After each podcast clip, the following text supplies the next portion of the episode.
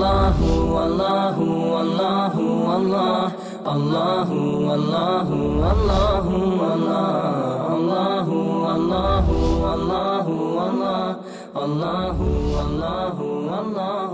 والله ذاك العادم في علا من أبدع الكون الحمد لله رب العالمين والصلاة والسلام على رسولنا محمد وعلى آله وصحبه أجمعين. اللهم علمنا ما ينفعنا وانفعنا بما علمتنا وزدنا علما يا كريم Od Ebu Muhammeda Abdullah ibn Amra ibn Asa radijallahu anhuma kazuje kada je vjerovjesnik sallallahu alaihi wasallam obaviješten da govorim tako mi Allaha danju ću postiti noću ću klanjati i ovako ću postupati dok sam živ.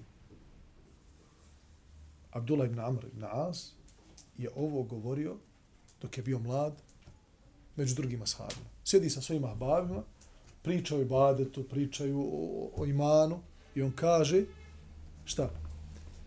Danju ću postiti. Svaki dan ću postiti. Noću ću klanjati. Neću spavati. I to ću raditi sve dok sam živ. To je došlo do poslanika, sallallahu alaihi wasallam. Dolazi mu poslanik kaže, jesi li ti to rekao? Odgovorio sam, da. Kaže, sallallahu, i onda je rekao, draži si mi od oca i od majke, o, ja Rasulallah. On mi tada reče, ti to ne možeš podnijeti. Poslanik Islama, učitelj, uh, najbogobojazniji, najučeniji, sa najviše uh, kako se kaže hibra na bosanski? Iskustvo. Iskustvo. Sa najviše iskustva govori jednom mladiću koji ima dobru namjeru, želi da se približi Allahu sa maksimalno svojim pre, sa svojom preda, maksimalnom predanošću Allahu, tako što će noću klanjati, a danju postati, govori mu polako. Ti to ne možeš izdržati.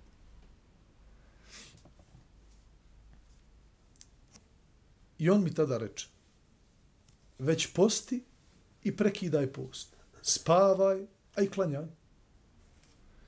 U svakom mjesecu posti tri dana. Jer za jedno dobro djelo bit ćeš nagrađen desetorostruko. I to ti se računa kao da postiš cijelu godinu. Poslanik alaih salatu wasalam mu kaže, mladiću, o Ebu Muhammede, hoćeš potpunu nagradu? Evo ti potpune nagrade. Allah za svako dobro djelo desetorostruko najmanje nagrađuje. Ti ne želiš da, da nikako e, budeš bez posta. Evo ti način. Nećeš sebe opteretiti. Tri dana ćeš u mjesecu postiti. A imat ćeš potpunu nagradu. On to odbija. Kaže, ja mogu više.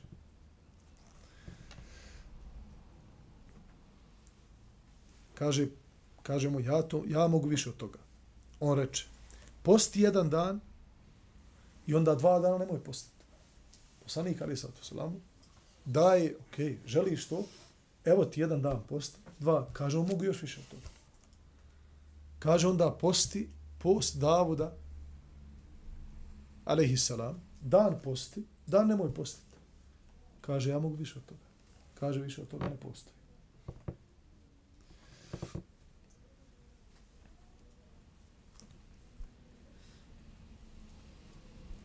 Kaže, nema više od toga.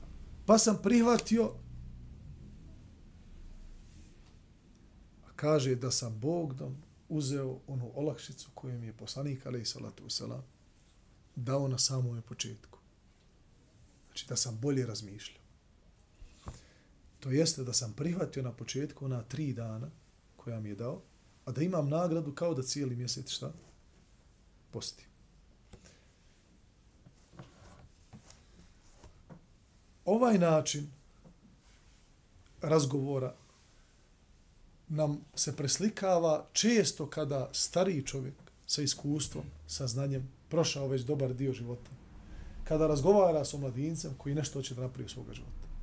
Pa mu ovaj stariji kaže polako, ovaj kaže nemam ja šta polako, moram a, po svom. I onda ti gledaš ovog starijeg čovjeka i kažeš, on je izgubio elan, ja to znam bolje, i tako dalje, i tako dalje. U sljedećoj verziji, na kraju ću vam dati zaključak svega. Navodi se. Kaže sallallahu alaihi ve sallam, je li istina da stalno danju postiš, a noću klanjaš? Kaže, svakako, ja Rasulallah. On tada reče, ne čini to. Posti, a i ne posti. Spava i klanja, jer tvoje tijelo kod tebe ima tvoje pravo, i tvoje oči imaju, tvoje, ima, imaju pravo, i tvoja supruga kod tebe ima pravo, i tvoji gosti kod tebe imaju pravo. Umjesto toga možeš postiti tri, mjeseca u svako, tri dana u svakom mjesecu, jer za svako dobro djelo bit ćeš nagrađen desetrostruko i računat će se kao da cijelu godinu si postio. Ja sam prenaglio, pa mi je otežano. Rekao sam mu, Allahu poslaniče, osjećam da mogu više od toga. Poslanik reče, posti, post Allahov poslanika, Davuda i na to nemoj ništa dodati. Upita ga, a kakav je Davudov post? Pa mi on reče, znači, pola godine.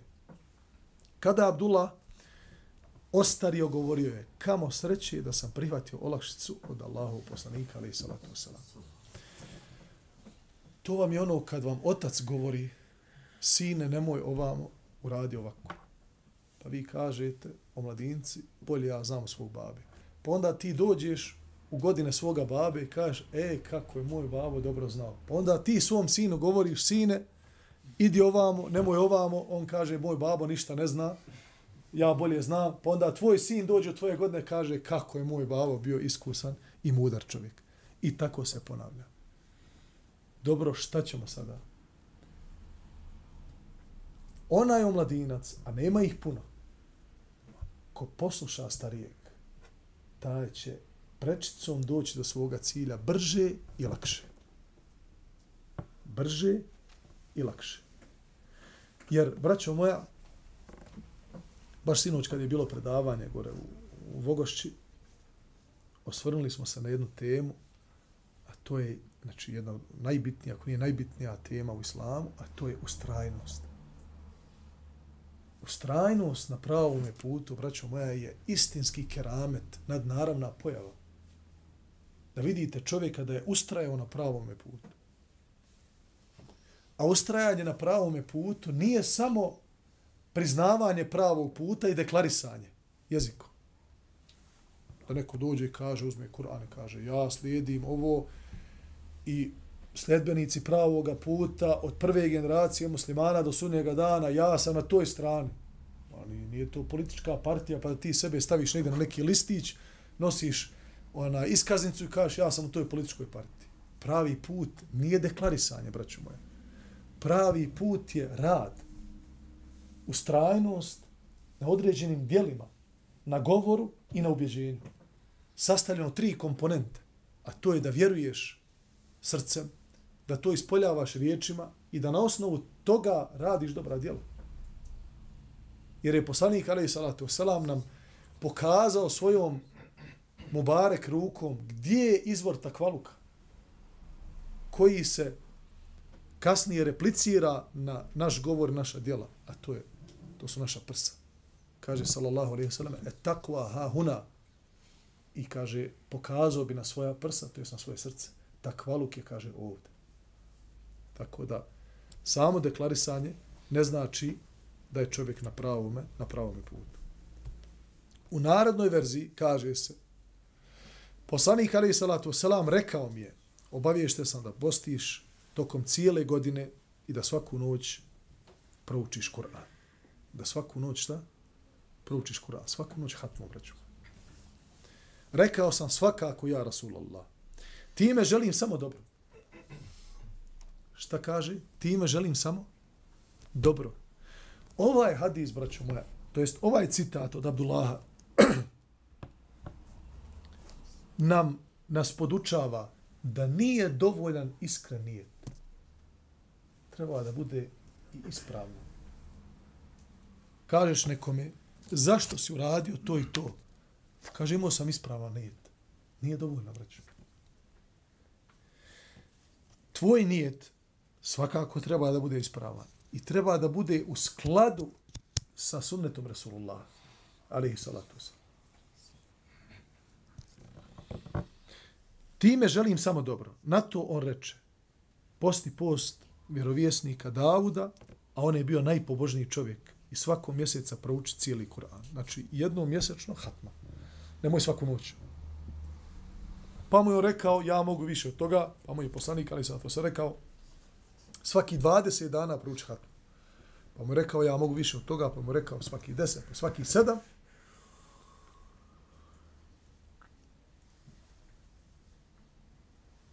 Pa je, nakon što mu je rekao, prouči ga svaki sedam i nemoj povećavati više od toga. To jeste, nemoj skraćivati više od, od toga. Pa kaže, prenaglio sam, pa mi je otežano. Vjerovjesnik, sallallahu alaihi sallam, rekao mi je, ti ne znaš, možda će ti se život odužiti. Kasnije Abdullah govorio, dočekao sam ono što mi vjerovjesnik, sallallahu alaihi sallam, rekao, a sada, kada sam ostario, volio bi da sam prihvatio olakšicu Resulullaha, alaihi salatu, veselam. A onaj dio gdje poslanik, alaihi salatu wasalam, govori o haku tvom, drugih ljudi oko tebe. I u ovoj verziji govori se i tvoj roditelj ima kod tebe pravo. U drugoj verziji ne posti, ne posti onaj koji posti neprekidni post. Što znači da, braćo moja, ne zarađuje se džennet samo namazom, postom i učenjem Kur'ana. I te kako postoje putevi da čovjek zaradi džennet u pogledu drugih ljudi i u pogledu drugih hakova.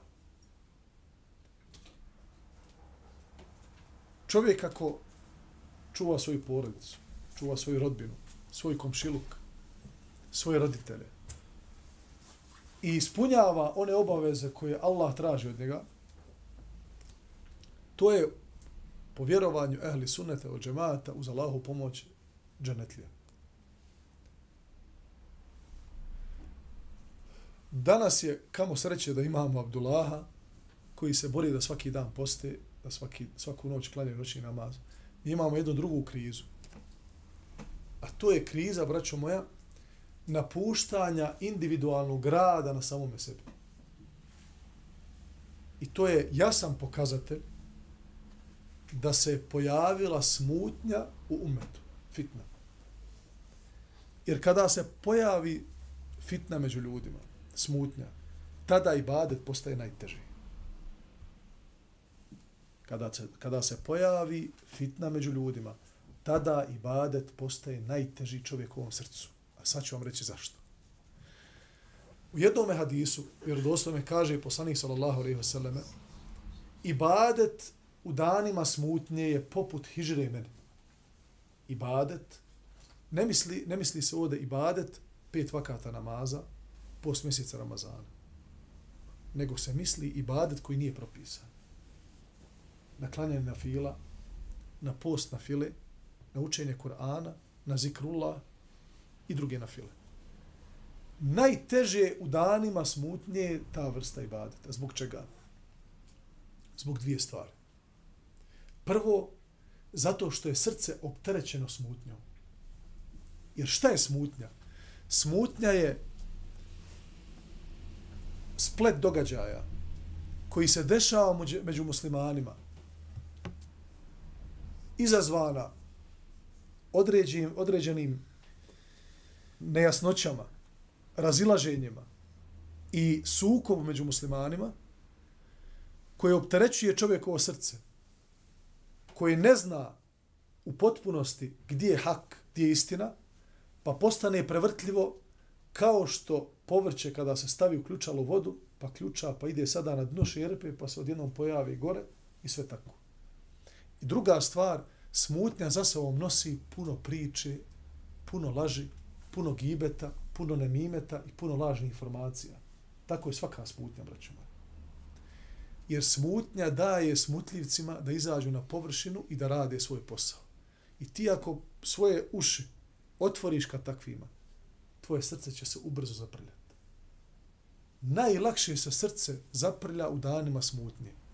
I onda bi ti klanjao na filu, ali tvoje srce crno, ne dati.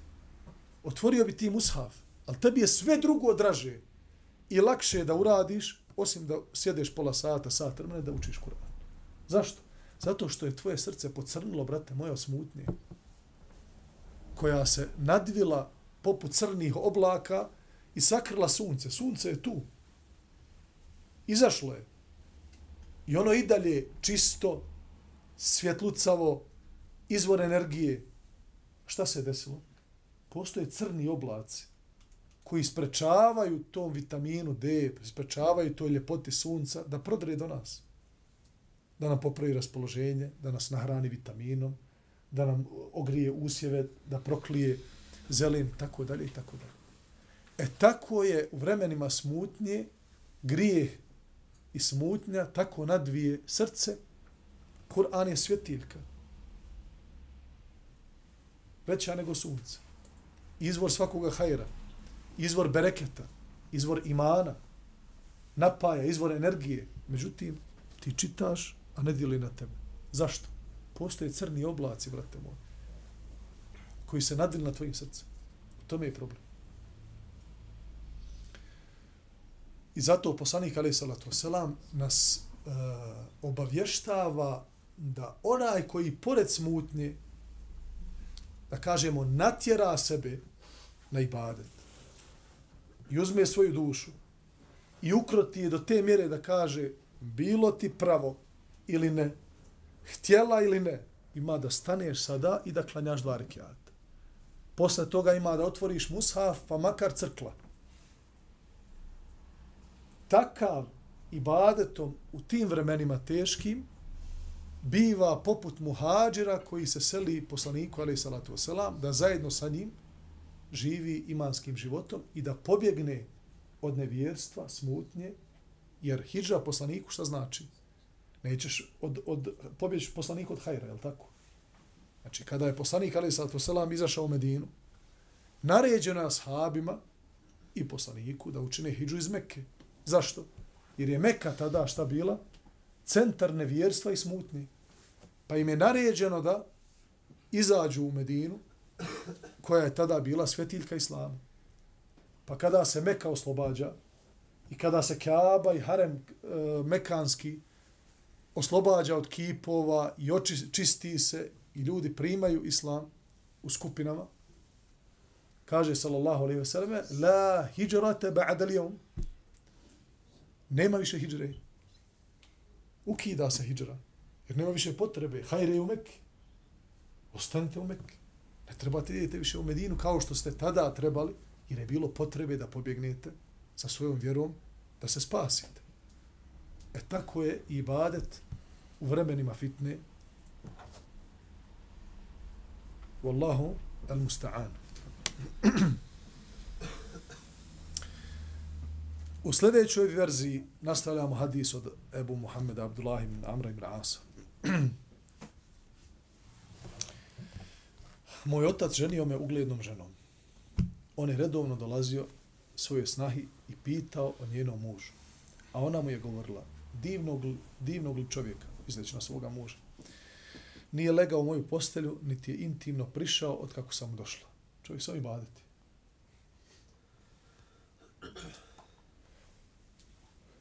Kada se to odužilo, odužilo mom ocu, spomenuje to vjerovjesniku poslani, sallallahu alaihi wasallame, kaže sallallahu alejhi ve sellem dovedi ga meni. Pa se desio ovaj razgovor naš, nakon što ga je poslanik alejhi salatu selam ispitao o čemu se radi i nasavjetovao ga kako da svakome dadne njegovo pravo. I zato, braćo moja, islam je jedina očuvana vjera srednjega pravoga puta koja je očuvala i vezu sa Allahom, i normalan odnos pram dunjaluka i normalan odnos pram ostalih bića. Znači, Allah je vjeru islam i naš, naše bitovanje, naša egzistenciju na dunjaluku savršeno upotpunio. Da ničemu ne idemo ekstremno. Kao što neke vjere a, svojim sledbenicima narede da moraju 0.24 biti zatvoreni i bada i badete, da se ne posu, da, da skroz se odvoje od unjaluka, od ženitbe, od braka, od, S druge strane imate sledbenike određenih vjera kojim je, kojim je bitan samo materializam. Daj samo da sam bogat, da guram svoju opciju, svoju partiju, svoju vjeru. Kako ću ja raditi, kako ću ja zaraditi, kako ću gledati na druge ljude, to me apsolutno ne zanima. Gazim sve što je predano, bitno je da ja imam i da ja onda dadnem samo onim svojim nadređenima, da oni kasnije mogu da lobiraju za tu našu vjeru i to je vjera i tako Allah želi. Vjera Islam je, braćo moja, to sve fino poredala i dala svakome njegovo pravo. Međutim, čovjek čitajući ovaj hadis, razmišljajući prvo o stanju mladića, ashaba, radijallahu anhu, koji je svaku noć mogao da prouči jednu hatmu, koji bi noću klanjao na filu, koji bi danju postio, koji se nije umarao na tom putu i ništa ga nije ometalo na tome putu i trebao je poslanik ali salatu selam da mu dođe i da mu naredi da ostupi od toga i da umanji. Čovjek sebe zapita i kaže, subhanallah, pa gdje sam ja? Kako ću ja ovakav? Gdje, gdje sam ja u svemu ovome? Zašto je trenutno moj iman ovakav? Pa dobro, prije par sedmica ili dva dana sam bio bolji, danas sam loš. Zašto se mijenja moj iman? Pa imam nevevi, rahimahullahu ta'ala. Učenjak čiji se imamet, tako se kaže na arapskom jeziku, znači njegov ulemanski pristup nauci potvrdio se i na istoku i na zapadu, ako možemo tako reći, i na sjeveru, na jugu. Cijela planeta, znači kroz vrijeme i prostor, svi su suglasni da je to jedan veliki učenjak. Rahimahullahu ta'ala. Koji je rodio se u Nevi, mjesto u Siriji, i preselio u tom istom mjestu, a živio u Damasku i podučavao se i naučavao svoje učenike, ljude, u poznatoj Emevijskoj džami, spomenuo nakon ovoga hadisa o Abdullah ibn Amru, hadis Hanvale, poznati hadis, kada je Hanvala došao kod Ebu Bekra i kaže mu, o Ebu Bekre, Hanzala je postao licemir.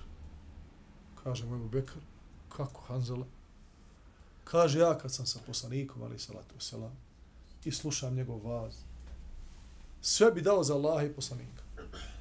Ja dođem kući, žena kaže, hajmo ovako, hajmo na pijacu, djeca ovako, ja kažu udarim po dunjalku, počne razmišljati o parama, o dinarima i dirhemima, kaže, znači da je do mene. Ja da sam dobar vjernik, ostao bi onakav kod kuće kakav sam s poslanikom, ali sa to. Pa je on mislio da se pretvara pred poslanikom kada je tu da se njegova, hajde da kažemo, njegovo biće pretvara u vjernika, a kad dođe kući, to je onaj Hanzala u stvarnosti kakav jest. Pa mu kaže, evo Bekr radi Allahanu, pa i ja sam takav. Onda, ja, onda sam i ja munafik. Gdje nam je izlaz? Alhamdulillah, poslanik Ali Sato Selam živ. Hajmo mu pokucati na vrate da ga pitam.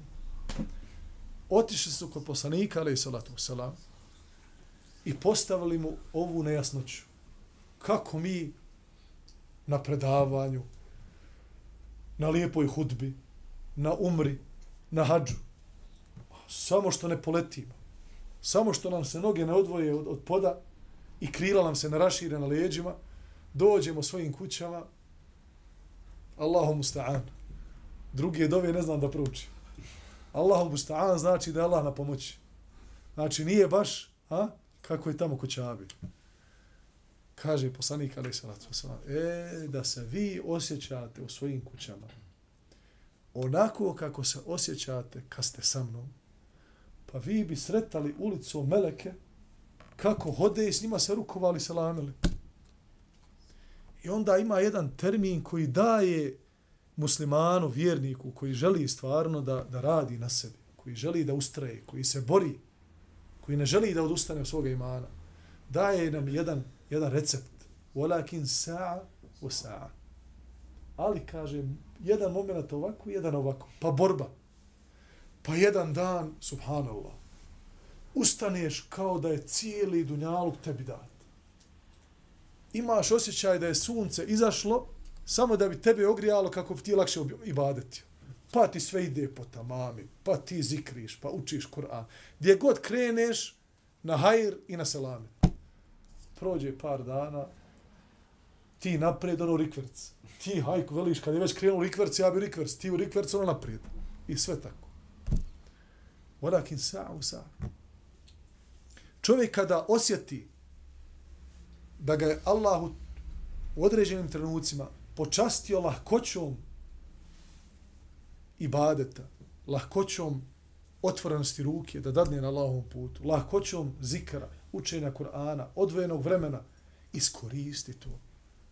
Nemoj tada reći sješću pa ću odmoriti jer mi je lijepo. Ne Jer znaj da će doći ovaj drugi dan koji ono rikverc naprijed nazad. Znaj. Budi spreman za njega u danima kada ti se otvorilo za ibadetom i za dobrim djelima. Pa će onda kriza pr brže proći ako se ovamo naoružava. وَتَزَوَّدُوا kaže Allah subhanahu wa ta'ala وَتَزَوَّدُوا وَتَزَوَّدُوا znači opremite se. Dug je put. Znači nabaci hrane, pića, par odijela. Nemoj da ideš, da imaš samo jedno odijelo, ideš na put koji je, koji je par mjeseci. Znači, ali s čime u te zauvedu? S čime da se ja to gospodaru opremim za taj dugi put? U te zauvedu fa inna hajra zadi takva. Najbolje opremanje za put dug je takvaluk. Kako ćeš ga steći? Tako što ćeš raditi dobra djela. Jest da je on njegov izvor ovde, takvaluk. Ali on se povećava, braću moja, rađenjem dobrih dijela. Zikrullahom i tako dalje. Pa onda onim lahkim danima spremimo se i badetom za teške dane.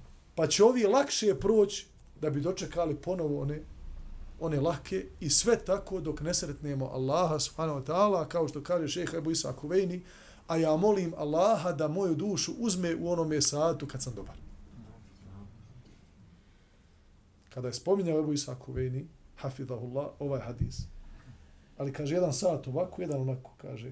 Tako sve dok kaže ne dođe melek smrti, a ja molim Allaha da, mi, da dođe melek smrti pa da mi dušu uzme u onome satu u kome mi se otvorilo.